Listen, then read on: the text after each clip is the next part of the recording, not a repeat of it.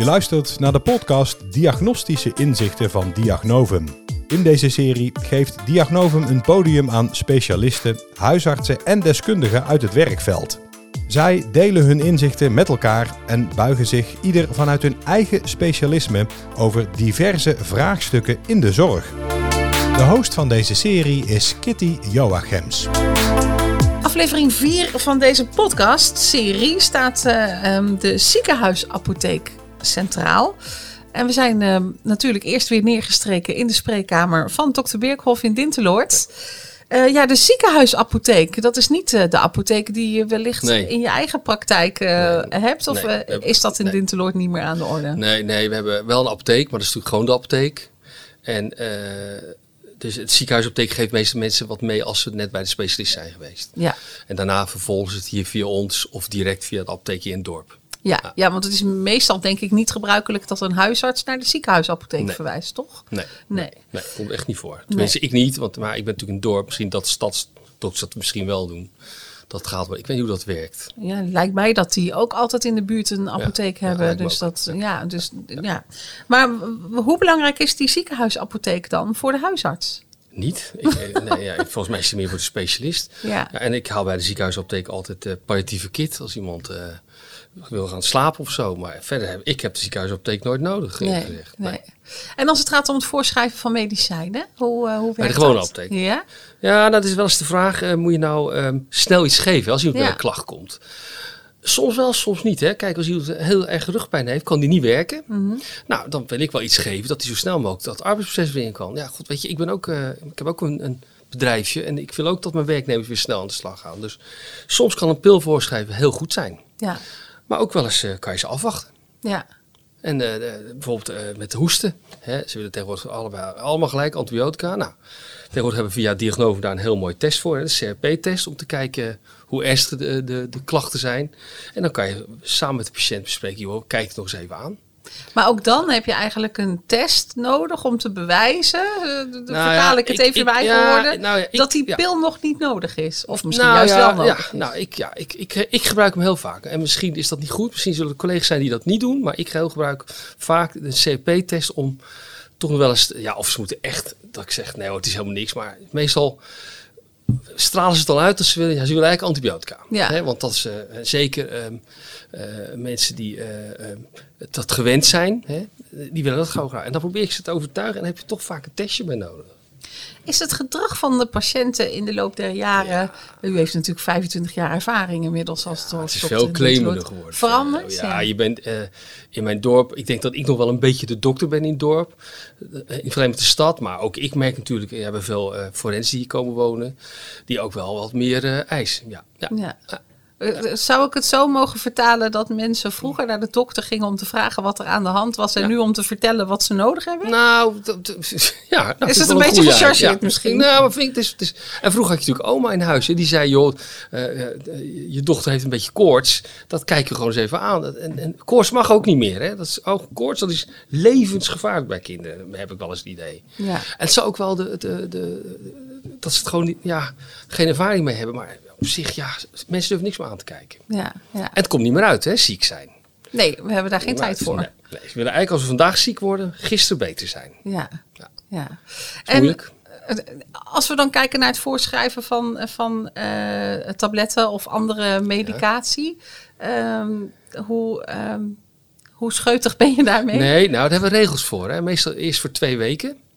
Dan bij een aantal dingen vraag je de mensen dan eerst terug. Of je of zegt, nou, dan is het klaar. Hè. Bijvoorbeeld antibioticum is vaak voor zeven dagen of vijf dagen, dan is het klaar. Hè, maar uh, bij klachten voor de rug geef ik meestal, als ik iets meegeef, voor twee weken. En dan zeg ik, kom dan eens terug, kom eens hoe het gaat.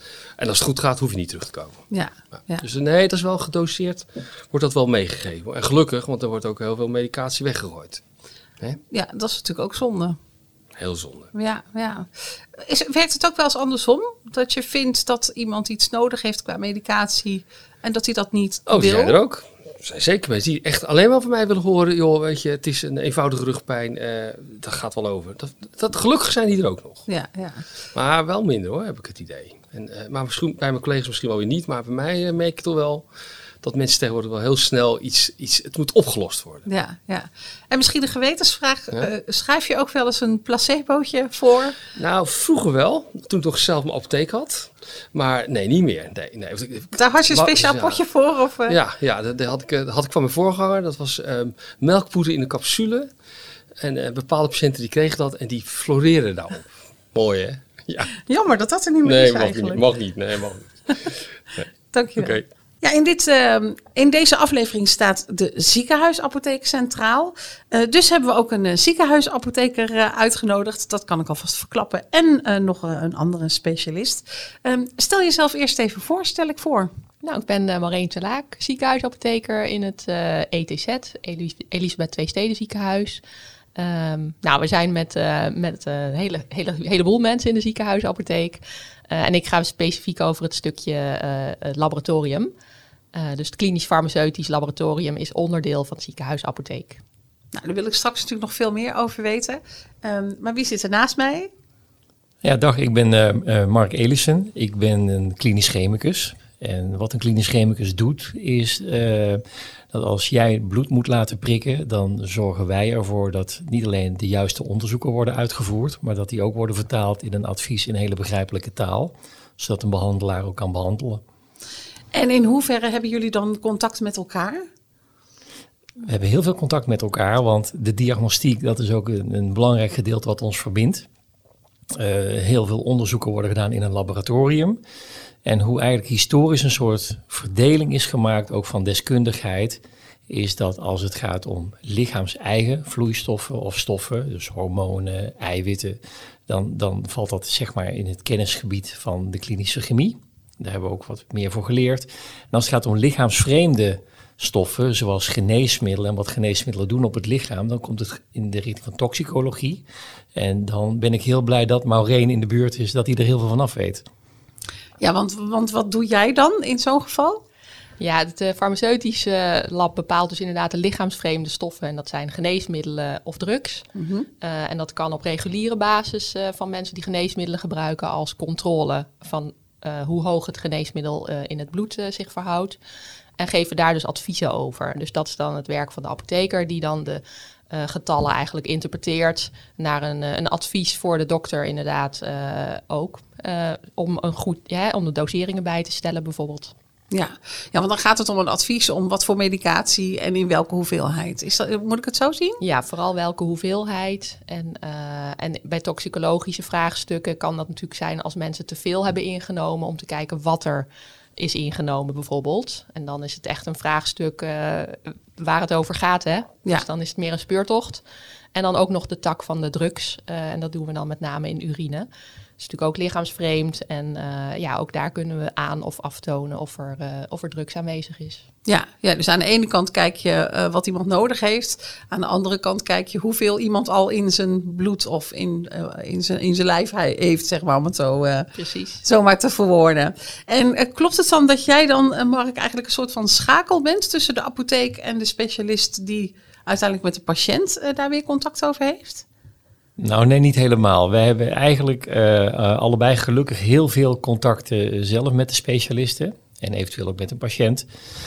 Maar met name met, met, met collega-specialisten, om, omdat zij gewoon hulp willen hebben en dat gevraagd en ongevraagd krijgen van welke testen zijn nu passend, wat, hoe moet het worden geduid of hoe kan het worden geduid, moeten er misschien aanvullende onderzoeken worden gedaan.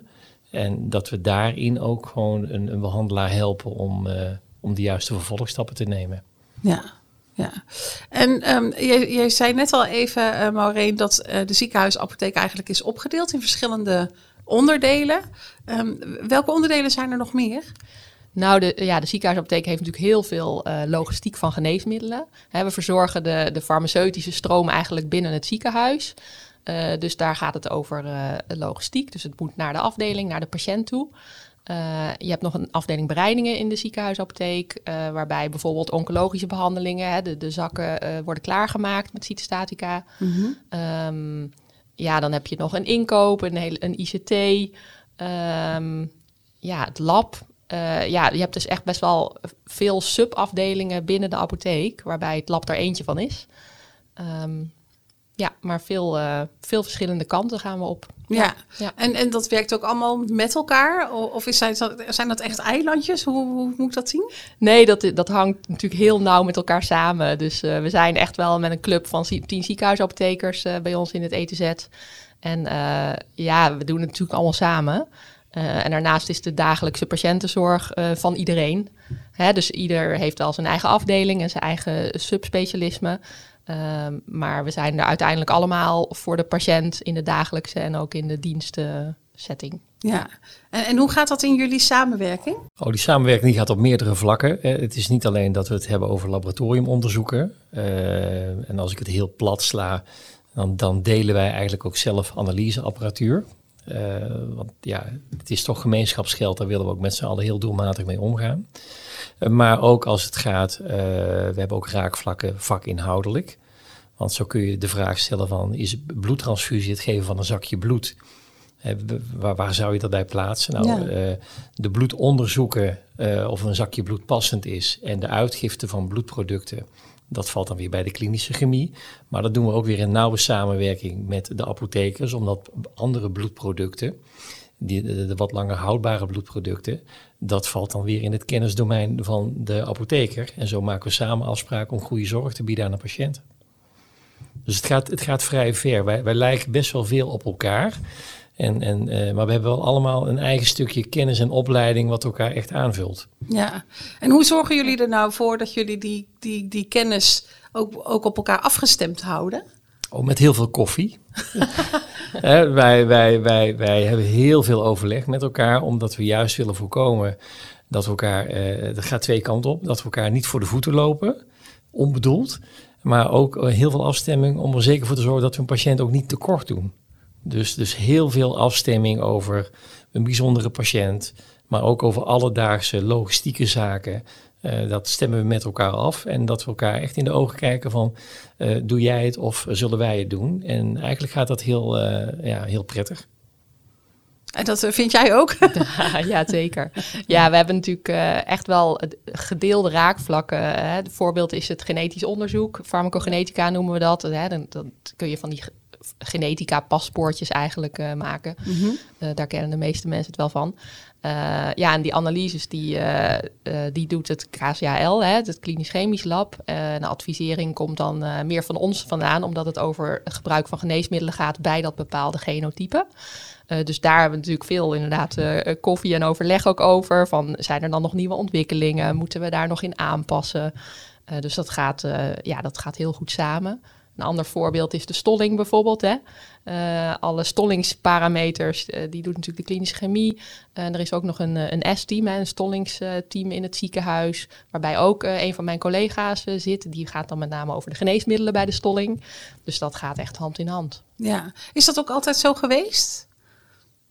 Heel eerlijk gezegd, ik denk van wel. Ja, het, het, het zijn toch wel twee, twee specialismen die elkaar altijd wel goed hebben weten te vinden. Uh, dat we allebei heel snel van elkaar doorhebben uh, van hé, hey, uh, jullie hebben kennis van iets wat, eh, wat bij ons vaak even net ontbreekt. Dus, dus om de een of andere manier gaat het vrij makkelijk samen en dat gaat heel ver. Want een ander onderwerp waar we elkaar ook op zoeken is bijvoorbeeld het kwaliteitssysteem. Wij, wij werken natuurlijk allemaal volgens kwaliteitsstandaarden om veilige zorg te leveren. Ja, ook daar willen we met elkaar voldoen aan diezelfde kwaliteitsnormen. Dus ook onze kwaliteitsfunctionarissen zoeken elkaar op. Wij, wij uh, kijken, ook, we kijken ook elkaars werkzaamheden op de, op de laboratoria om ervoor te zorgen dat we ook die kwaliteit blijven leveren. Dus het is niet alleen logistiek, patiënt inhoudelijk, maar ook op kwaliteitszaken ja, kortom, uh, we zijn eigenlijk wel een beetje bloedbroeders en zusters. ja, bijna ja, letterlijk. Ja, ja. ja. Uh, dan klinkt het alsof het allemaal echt van een leien dakje gaat, maar er zijn on, ongetwijfeld ook uitdagingen. Wat, wat, wat is de grootste uitdaging voor jou, uh, Maureen? Nou, daar moet ik echt over nadenken. Zo heel veel uitdagingen zijn er denk ik ook niet. Nee, tuurlijk, eh, in ieders werk zitten wel uitdagingen. Uh, maar daar proberen we elkaar juist op te zoeken om ze ook op te lossen. Kijk, het gaat thuis niet altijd goed. Of uh, hè, dingen. Ja, er zijn gewoon dingen waar je soms uh, meer of minder tijd aan moet besteden. En die je graag goed wil regelen, ook met elkaar wil regelen. dus dan heb je juist contact. Ja, dus denk hoe meer gedoe er is, hoe meer je elkaar ook moet spreken. Eh, om dat gewoon weer eh, ja, eh, één op één goed te krijgen. Ja. Ja. Ja, en voor jou, eh, Mark? Ja, het- dit wordt een, een hele saaie podcast, maar we zijn het heel erg met elkaar ook. eens. Eh, wat, wat, wat, wat we wel zien is dat we allebei eh, eh, behoorlijk actief zijn in, in, in netwerkzorg. En dat we soms nog niet, we kennen elkaar heel goed, maar we kennen nog niet elkaars netwerk perfect. Dus als wij het bijvoorbeeld hebben over antistollingszorg, dan doen we dat en in het ziekenhuis samen met een S-team.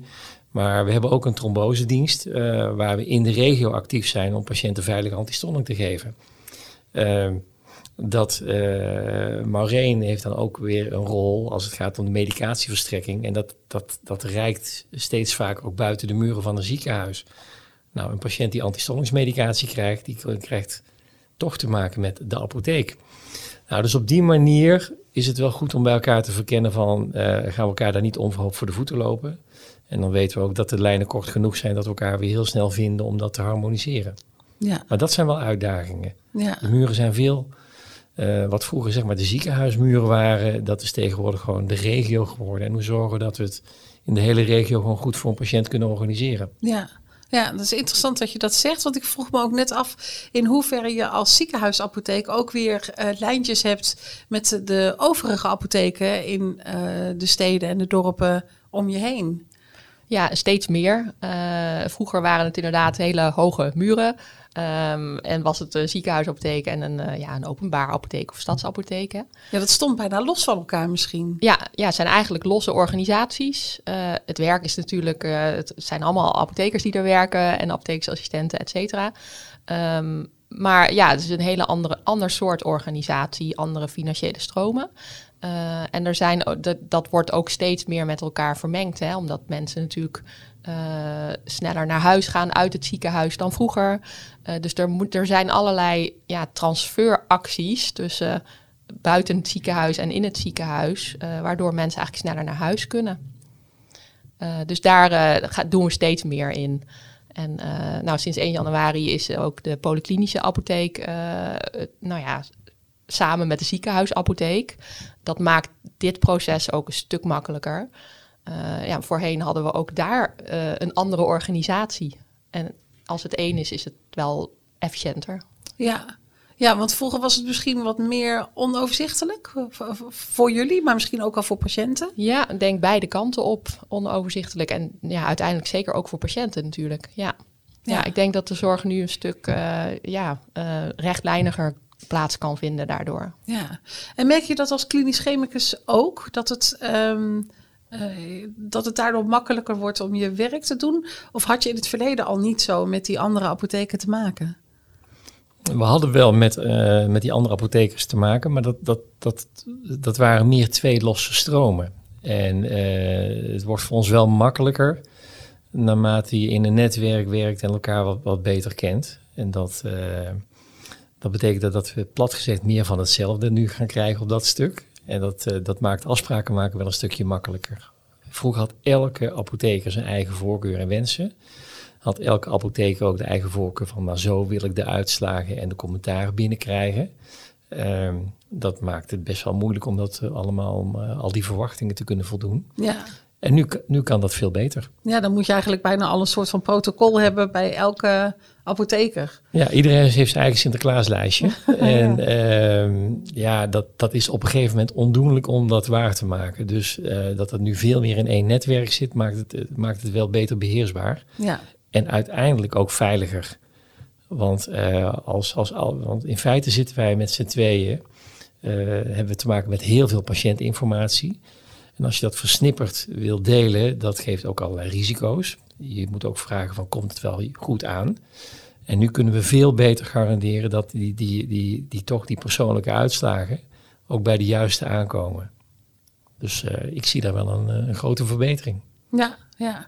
Nou, we gaan zo meteen eh, met jullie nog eh, verder praten. Maar we hebben natuurlijk ook onze datadokter weer eh, gevraagd om wat eh, feiten en cijfers en eh, weetjes op een rijtje te zetten.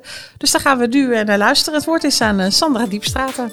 De datadokter.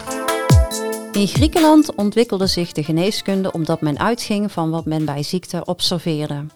Hippocrates, 460 tot 370 voor Christus, geldt nog steeds als de vader van de geneeskunde. En alle artsen leggen ook nu nog na hun artsenexamen de eed of gelofte af die gebaseerd is op de eed van Hippocrates.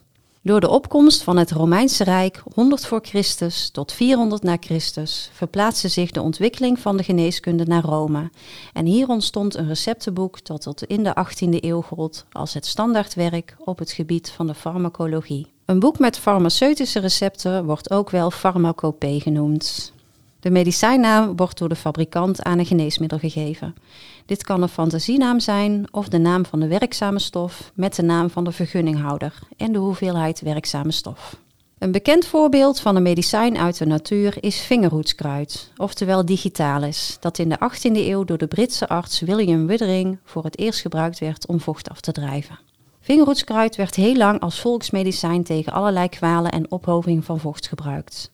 Dr. Widdering ontdekte dat het niet bij alle vocht hielp. Later werd vingerhoedskruid in verband gebracht met hartaandoeningen en ontdekte men dat vingerhoedskruid een positief effect had op het hart. In de hedendaagse geneeskunde wordt een zuiverdere vorm van vingerhoedskruid gebruikt om hartritmestoornissen te behandelen. De zuiverdere vorm heet digoxine. Een ander bekend medicijn wat per toeval is ontdekt is penicilline. Het werd in 1928 door de Britse arts-bacterioloog Alexander Fleming ontdekt. Penicilline is een antibacteriële stof die het eerste algemeen bruikbare antibiotica opleverde. Fleming was bezig met een onderzoek naar staphylococcus toen hij op een van zijn voedingsbodem de schimmel Penicillium notatum aantrof en opmerkte dat rondom deze schimmel alle bacteriën verdwenen waren.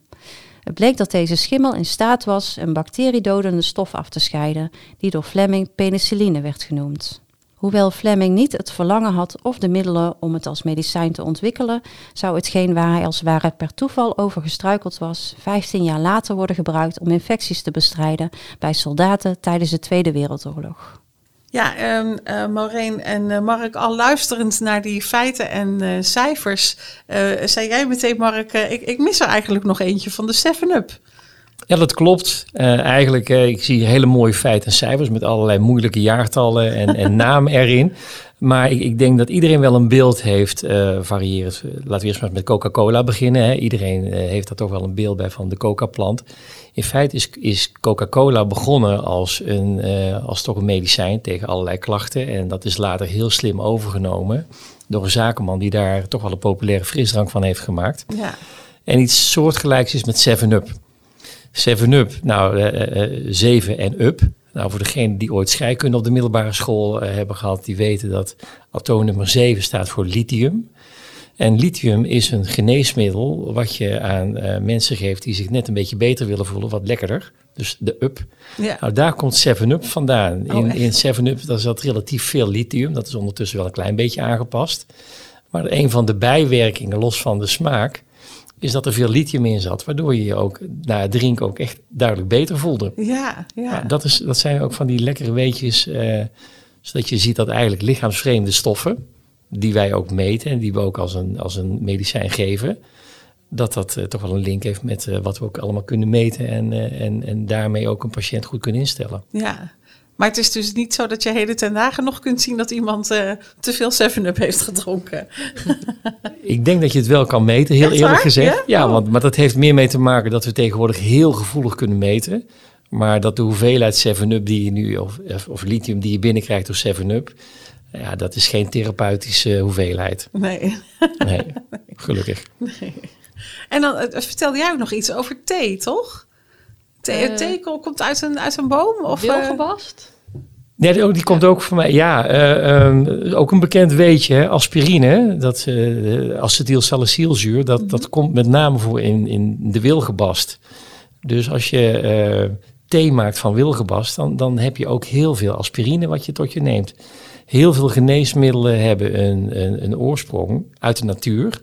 En waar je ziet dat zeg maar een farmaceut, dat hij dat of in grote hoeveelheden geconcentreerd kan aanbieden als een geneesmiddel. Maar wat farmaceuten ook heel goed doen, is dat, dat, dat dat middel uit de natuur ook nog een beetje aanpassen, waardoor het nog net iets beter werkt. Dat is eigenlijk het, het geheim van een geneesmiddel. Ja, Ja, dat is- en dat, dat heb jij dagelijks in handen. Ja, zeker. Ja, de meeste geneesmiddelen zijn natuurlijk inmiddels wel synthetisch nagemaakt van wat er ooit in de natuur eh, voorkwam. Eh, dus heel af en toe eh, is het nog wel natuurlijk, maar de meeste zijn inmiddels wel gesynthetiseerd, omdat je ook daar allerlei kwaliteitseisen natuurlijk moet halen. Ja, Eh, dus dan is het zo zuiver en, en precies mogelijk. Hè? Je wilt graag in de goede dosering in een pilletje gieten. ja, ja precies. Ja. Ja. Ja. Ja. en toch ehm, eh, ho- hoor je ook, ook, ook in het nieuws eh, regelmatig dat mensen dan toch eh, te veel van een bepaald medicijn binnenkrijgen. Dat het dan toch weer ehm, eh, anders gedoseerd moet worden. Is, is dat iets waar, waar jij je ook mee bezighoudt in je werk? Ja, eigenlijk continu. Dat doen we natuurlijk met de bloedspiegels die wij bepalen op het lab. Als je het kan meten, eh, dan is dat heel nuttig om inderdaad te voorkomen dat mensen te veel of te weinig krijgen. Dus daar kan je heel goed aan het getal zien wat eruit komt, eh, of er meer of minder eh, geneesmiddel gegeven moet worden. Ja, en in alle andere gevallen waarbij dat niet kan, hè, niet alle geneesmiddelen prikken we spiegels van. Eh, omdat het helemaal niet bewezen is dat het iets zegt over het effect of over de bijwerkingen. Eh, en dan is het toch eh, op basis van eh, hoe het gaat met de patiënt. Ja, maar kun je echt op basis van iedere patiënt en iedere situatie specifiek doseren? Ja, er is natuurlijk een hoop, zit een hoop genetica achter in hoe snel je het afbreekt. Nou, die testen, hè, dat, dat doen we samen, zeg maar. En er is ook nog heel veel onbekend. Dus ik denk in de toekomst dat dat zich uitbreidt naar, naar meer genetica. Hè. Nu weten we alleen nog maar de snelheid van afbraak. Maar je kan ook eh, bedenken dat genetica gaat over of het wel aangrijpt waar het moet aangrijpen, het geneesmiddel. Ja. Of dat het er wel naartoe gebracht wordt via transporters in je lichaam. Eh, daar weten we een beetje van, maar die kennis die, eh, die zal de aankomende jaren echt wel eh, vergroten. Ja, En dan kan je eigenlijk komen tot een soort totaalmodel. Dat is natuurlijk het ideaalbeeld. Eh, totaalmodel aan geneti- genetische aanleg, waarbij je van tevoren al kunt voorspellen, nou, die moet eh, 300 milligram paracetamol en die moet 1000 milligram paracetamol. Eh, dat is eh, het ideaal, maar zover zijn we nog niet. ja. Is, is, is dat waar we uiteindelijk op uitkomen, denk je, Mark? Ik denk het wel. Heel eerlijk gezegd. We weten heel veel. En wat we nu vooral doen is eh, eh, een soort gemiddelde van, van heel veel patiënten bij elkaar gooien. En, en op basis van die gemiddelde ontwikkelen we richtlijnen. Nou, de naam zegt het al, die zijn ook om op te richten. Maar we gaan langzaam maar zeker gaan we toch wel toe dat we de, eh, de uitzonderingen beter kunnen herkennen. En dat we echt therapie op maat kunnen gaan maken. En ook een diagnose op maat. Ehm, dat, daar zie ik wel de toekomst in. Ja, dus nog meer verfijnen eigenlijk en nog meer eh, specificeren per patiënt. Ja, voor een gedeelte. Hè? De- want want eh, iedereen heeft het erover, maar gelukkig lijken we toch wel meer op elkaar dan dat we soms willen toegeven. Ja, Dus niet iedereen hoeft nou die unieke behandeling. Maar het is wel aan ons om te herkennen wie verdient nu even wel die uitzonderingspositie. Want die loopt anders vast in het huidige eh, systeem van, van behandelen en, en aantonen. ja. Ja, ik vroeg in de spreekkamer eh, bij dokter Birkhoff, eh, vroeg ik ook naar het voorschrijven van medicijnen. Niet iedereen wil medicijnen, of, hè, dat, dat, dat kan natuurlijk ook. En we hebben het ook even met hem gehad over eh, placebo. En hij vertelde ook dat hij, dat, dat hij vroeger ook echt wel eens iets voorschreef of iets in de praktijk had.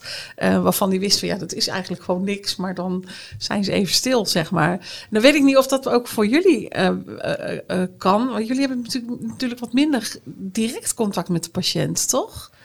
Nou, op zich steeds meer. Eh, maar als je het hebt over eh, placebo, eh, ja, dan dat mag eigenlijk niet meer. De patiënt moet... Hij deed het ook niet meer, hè, heeft gezegd. Dus, nee, nee vroeger, ik weet, vroeger werd het gedaan. En nu zijn de regels echt wel aangescherpt dat dat niet zomaar mag. Tenzij de patiënt toestemming geeft. Hè. Het kan ook zijn dat de patiënt graag bijvoorbeeld af wil bouwen van medicatie. En ook aangeeft van ik vind het ook goed om bijvoorbeeld placebo uh, of een, het geneesmiddel te krijgen.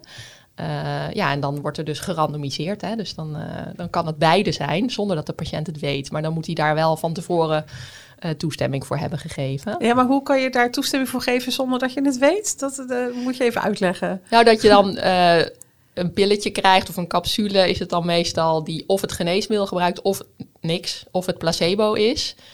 dat weet de patiënt dan wel. Maar hij weet dan niet wat hij echt krijgt. Dus hij geeft toestemming om uh, een placebo of echte be behandeling te krijgen. Mhm. En vervolgens weet hij niet wat het is, Mhm. zodat hij geen, ehm, ja, geen, ehm, hoe noem je dat? Geen voorbedachte eh, effect zichzelf kan inbeelden. Ja, zodat hij er blanco in gaat, zeg maar. Ja, dat. Ja, oké. Ja, Ja, en dat kan natuurlijk heel handig zijn. Dus ook bij afbouwen. Want bij afbouwen kan je natuurlijk ook last hebben, net als met stoppen met roken, van het hele gewoonte gebeuren of van de geestelijke ontwenning. Ja. Af, hè, onafhankelijk van de lichamelijke ontwenning. Ja, oh, dus op die manier kan je placebo dus ook inzetten. Ja, Ja. oh, wat grappig, ja.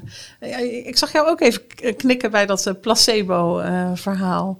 Ja, dat klopt. Wij, wij, wij begeleiden ook heel veel wetenschappelijke onderzoeken. Eh, dat gaat vaak in, in, eh, in nauwe afstemming met een, een behandelend arts. En dan heb je ook een studieprotocol. En dat betekent dat een, een patiënt bij een behandeling de keuze eh, krijgt van...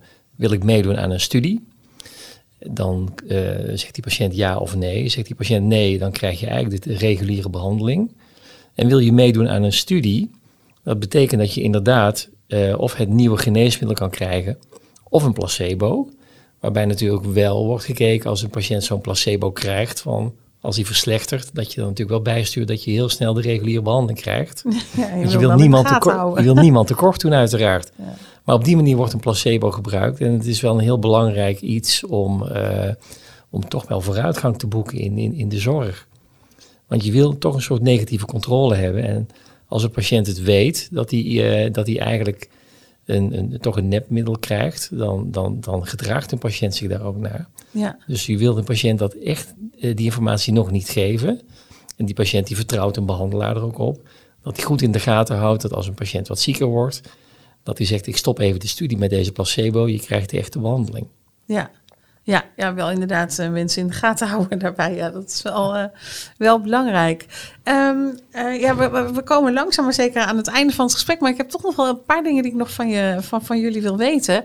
Ehm, want in die ziekenhuisapotheek, we denken natuurlijk al gauw aan eh, pilletjes, eh poedertjes misschien ook. crème kan ik me ook nog voorstellen.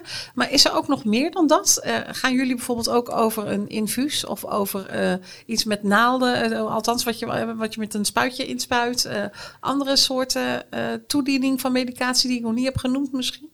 Ja, ja eigenlijk eh, alle toedieningsvormen die er zijn. Hè? Dus eh, oraal en rectaal, eh intraveneus, intramusculair, subcutaan, alles. Dus ja, ja, en ook veel meer dan dat. Hè? Dus ook over de patiënt komt binnen, er worden opnamegesprekken gevoerd. Dat gebeurt ook met mensen van de ziekenhuisapotheek. om zo goed mogelijk de geneesmiddelen in kaart te brengen waarmee ze binnenkomen. En ook als ze weggaan, gebeurt dat weer. En ook tijdens opname vinden er ook nog gesprekken met patiënten plaats. Eh, dat doen we voor een groot deel, doe ik zelf in de psychiatrie. Eh, ook om mensen eh, te helpen met van, hè, wat gebruik ik nou en ja, wat doet dat eigenlijk met mijn lichaam? Ja. Hè, dat, ik krijg bijwerkingen in de eerste tijd. Waarom is dat eigenlijk en gaat het nog wel over? Dat zijn dingen die, ja, die wel patiënten heel erg helpen om ook het geneesmiddel te blijven gebruiken bijvoorbeeld. Ja, en het ook op een goede manier te gebruiken lijkt me. Ook, ja, Ja. zeker. Ik kan me ook voorstellen dat eh, mensen wel steeds mondiger worden. eh, als het gaat om wat ze voorgeschreven krijgen. Of wat ze voorgeschreven willen krijgen. Of wat juist niet. Ehm, eh, is die verandering voor jullie, maakt dat het werk ook anders? Nee, ik denk dat dat, eh, ja, dat met name de dokters daar misschien mee te maken hebben.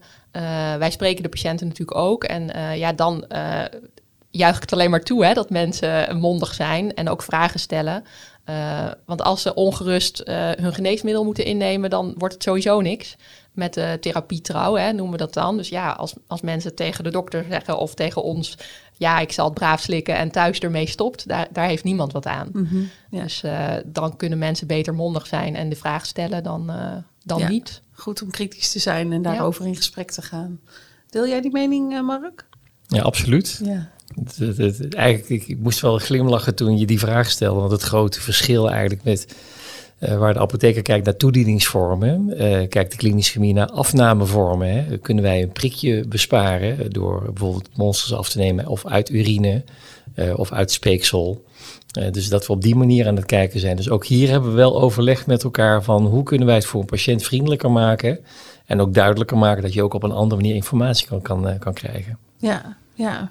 Ehm, eh, ja, ik, we zijn eigenlijk al aan het, aan het eind van het gesprek. Ik vond het eigenlijk wel heel um, leerzaam om hier eens uh, in te duiken met jullie. Dank jullie wel voor jullie inbreng. En ja, er valt nog heel veel meer over te zeggen, want volgens mij is het een wereld op zich. de ziekenhuisapotheek en alles wat daarmee samenhangt. Is dat een goede conclusie die ik daarmee trek? Absoluut. Helemaal mee eens. Goed verwoord. Dank jullie wel. Graag gedaan. Ja, ook in uh, deze aflevering um, krijg je een stukje historie, krijg je een uh, geschiedenisles. En daarvoor uh, kruipt Mark Elissen even in de rol van geschiedenisleraar. Um, the floor is yours. Ga je gang. Nou, dankjewel. Ik weet niet of geschiedenis het, het, het, het de lading dekt. Um, waar ik het eigenlijk met jullie vooral over wil hebben is, is een mooie samenwerking die we samen hebben met de apotheker. En een van de uh, ontwikkelingen uh, van iets wat wel heel oud is, DNA. Uh, is dat het ook een, een heel mooi bindend middel is om er samen met de, de klinische chemie en de, en de ziekenhuisapotheek naar te kijken hoe kunnen we behandelingen beter maken. Het is ook in het nieuws. iedereen heeft wat gehoord over het DNA-paspoort. En het DNA-paspoort is nu zo'n voorbeeld hoe dat we met elkaar de zorg beter kunnen maken. En dat kon in het verleden helemaal niet. In het verleden was eigenlijk dat we kijken naar, naar laboratoriumdiagnostiek uh, dat begon met de piskijker. Vroeger die iemand die keek naar een urinebokaal en die roker aan en die zag aan het kleurtje van of iemand wat mankeerde en deed daar uitspraken over. Op een gegeven moment uh, werd dat best wel populair. Dus uh, nou, één persoon die al die urinebokalen in de middeleeuwen ging kijken, dat werkte ook niet. Dus toen kwamen de eerste apparaten en, en om te kijken van nou kunnen we iets uit urine halen. Dat ging langzaam maar zeker van urine ging het ook naar bloed, want toen konden we ook daar celletjes uitzien. De microscoop werd ontdekt. Dus konden we aan, aan, aan bloedcellen konden we al, al zien van mankeert de patiënt het een of het ander. Bloedarmoede bijvoorbeeld, maar ook bepaalde parasieten of ziektebeelden kon je dan zien. En je kon soms ook zien of lichaamsvreemde stoffen, of die van invloed waren als iemand, eh, als we kijken naar het Romeinse Rijk, even heel oud, als iemand lood uh, inzicht nam of vergiftigd werd, dan konden we dat zien aan bloedcellen. En door die microscoop konden we eigenlijk ook al zien of er sprake was van vergiftigingen. Nou, dan komt daar ook de ziekenhuisapotheek komt daar natuurlijk op de proppen kijken. En bij het voorbeeld van loodvergiftiging kun je eigenlijk in een bloedcel zien of er looddeeltjes in zitten. En dat konden we zien. Nou, dus zo zijn we eigenlijk van bloed onderzoeken en door de microscoop kijken en in bloed allerlei kleurtjes zijn we nu in de fase dat we uh, met DNA kunnen gaan kijken van hoe gaat iemand met medicijngebruik om. Wij, er wordt veel voorgeschreven en wat wij soms zien is dat een behandeling uh, niet aanslaat. En dan was in het verleden wel eens de gedachte van, goh, is het wel het juiste medicijn? Moet ik een kuur aanpassen of niet? Uh, maar het bleef altijd een beetje koffiedik kijken. En nu met de DNA-paspoort, wat dus nu ook het nieuws heeft gehaald, kunnen we heel goed zien of een geneesmiddel versneld wordt afgebroken of niet. En om dat nu heel simpel te vertalen, als, uh, als je een geneesmiddel krijgt en je, en, je, en je slikt dat braaf en het wordt versneld afgebroken, dan is zeg maar het moment dat het is afgebroken tot het moment dat je het nieuwe uh, het geneesmiddel weer, weer moet gaan slikken dat is best lang. Dus eigenlijk in die periode heb je dan geen behandeling. Nou, dat kunnen we nu aan het DNA-profiel eh, zien. En dat betekent dat een behandelaar net iets meer geneesmiddelen gaat geven om die periode goed te overbruggen. Zodat je wel de hele dag die behandeling hebt. Andersom werkt het ook. Als je lichaam het vertraagt, afbreekt, dan krijg je eigenlijk te veel. En dat betekent dus dat je langzaam maar zeker, als jij elke dag braaf je medicatie slikt, geneesmiddel gaat stapelen en dan is het giftig. Uh, uh, dat gaf ook bijwerkingen en klachten uiteraard van de patiënt. En dat is wat je, uh, je wil behandelen en niet mensen zieker maken met dat geneesmiddel. En dat is wat een DNA-paspoort doet. Die duidelijkheid geven dat patiënten die toch bepaalde medicatie krijgen die risico's kunnen geven, dat je een betere inschatting kan maken dat elke patiënt de juiste hoeveelheid krijgt. Nou, dat is een, een, een samenwerking die wij, uh, uh, ja, die wij toch wel heel, al, eigenlijk al een paar jaar lang doen. En die we ook koesteren, waarbij we eigenlijk uh, vanuit de klinische chemie de analyses doen. ook al een stuk interpretatie heeft, maar het vervolg met name dat dat bij Maureen als ziekenhuisapotheker ligt, om, de, eh, om dan de vertaling te maken. Maar wat betekent dat nou voor een dosering, voor een aanpassing in het recept? En dan, uh, ja, ik denk dat dat de meest actuele en de mooie samenwerking is tussen de ziekenhuisfarmacie en de klinische chemie. En eigenlijk om, om, uh, we zien dat dat zoveel impact heeft. Dus mijn advies zou eigenlijk zijn, of als je mij heel diep in de oogjes kijkt, zou mijn advies zijn van neem dit mee in een hielprik screening. Want DNA dat hebben we een leven lang. En dat verandert in, in principe ook niet. En het advies wat je daar bij je geboorte al krijgt, daar heb je ook letterlijk een leven lang plezier van. En voorkomt ook dat je later misschien of te weinig geneesmiddel krijgt of juist te veel. En dat je zelf schade geeft. Dus dat is eigenlijk een beetje een kort overzicht van hoe we van pis kijken door een microscoop van bloedonderzoek nu naar DNA zijn gegaan. En dat het veel preciezer is geworden en veel meer zorg op maat. Tot zover mijn geschiedenislesje. Dankjewel. Mooi, mooie les. Ja, en dit was uh, aflevering 4 met weer uh, mooie nieuwe inzichten. Ik moet zeggen, ik kijk alweer uit naar de volgende aflevering, want dan gaan we het hebben over dermatologie en pathologie. Maar voor nu bedank ik natuurlijk eerst onze gasten die vandaag mee uh, praten en die ook openhartig met elkaar in gesprek gingen. En ik bedank jou natuurlijk voor het luisteren naar deze aflevering. We spreken elkaar weer snel in aflevering 5. Tot dan. Dag. Tot zover deze aflevering van de podcastserie Diagnostische Inzichten. Vond je deze aflevering interessant? Deel hem dan met je collega's en de mensen uit jouw netwerk. Wil je meer weten over de aanbieder van deze podcastserie? Kijk dan op www.diagnovum.nl.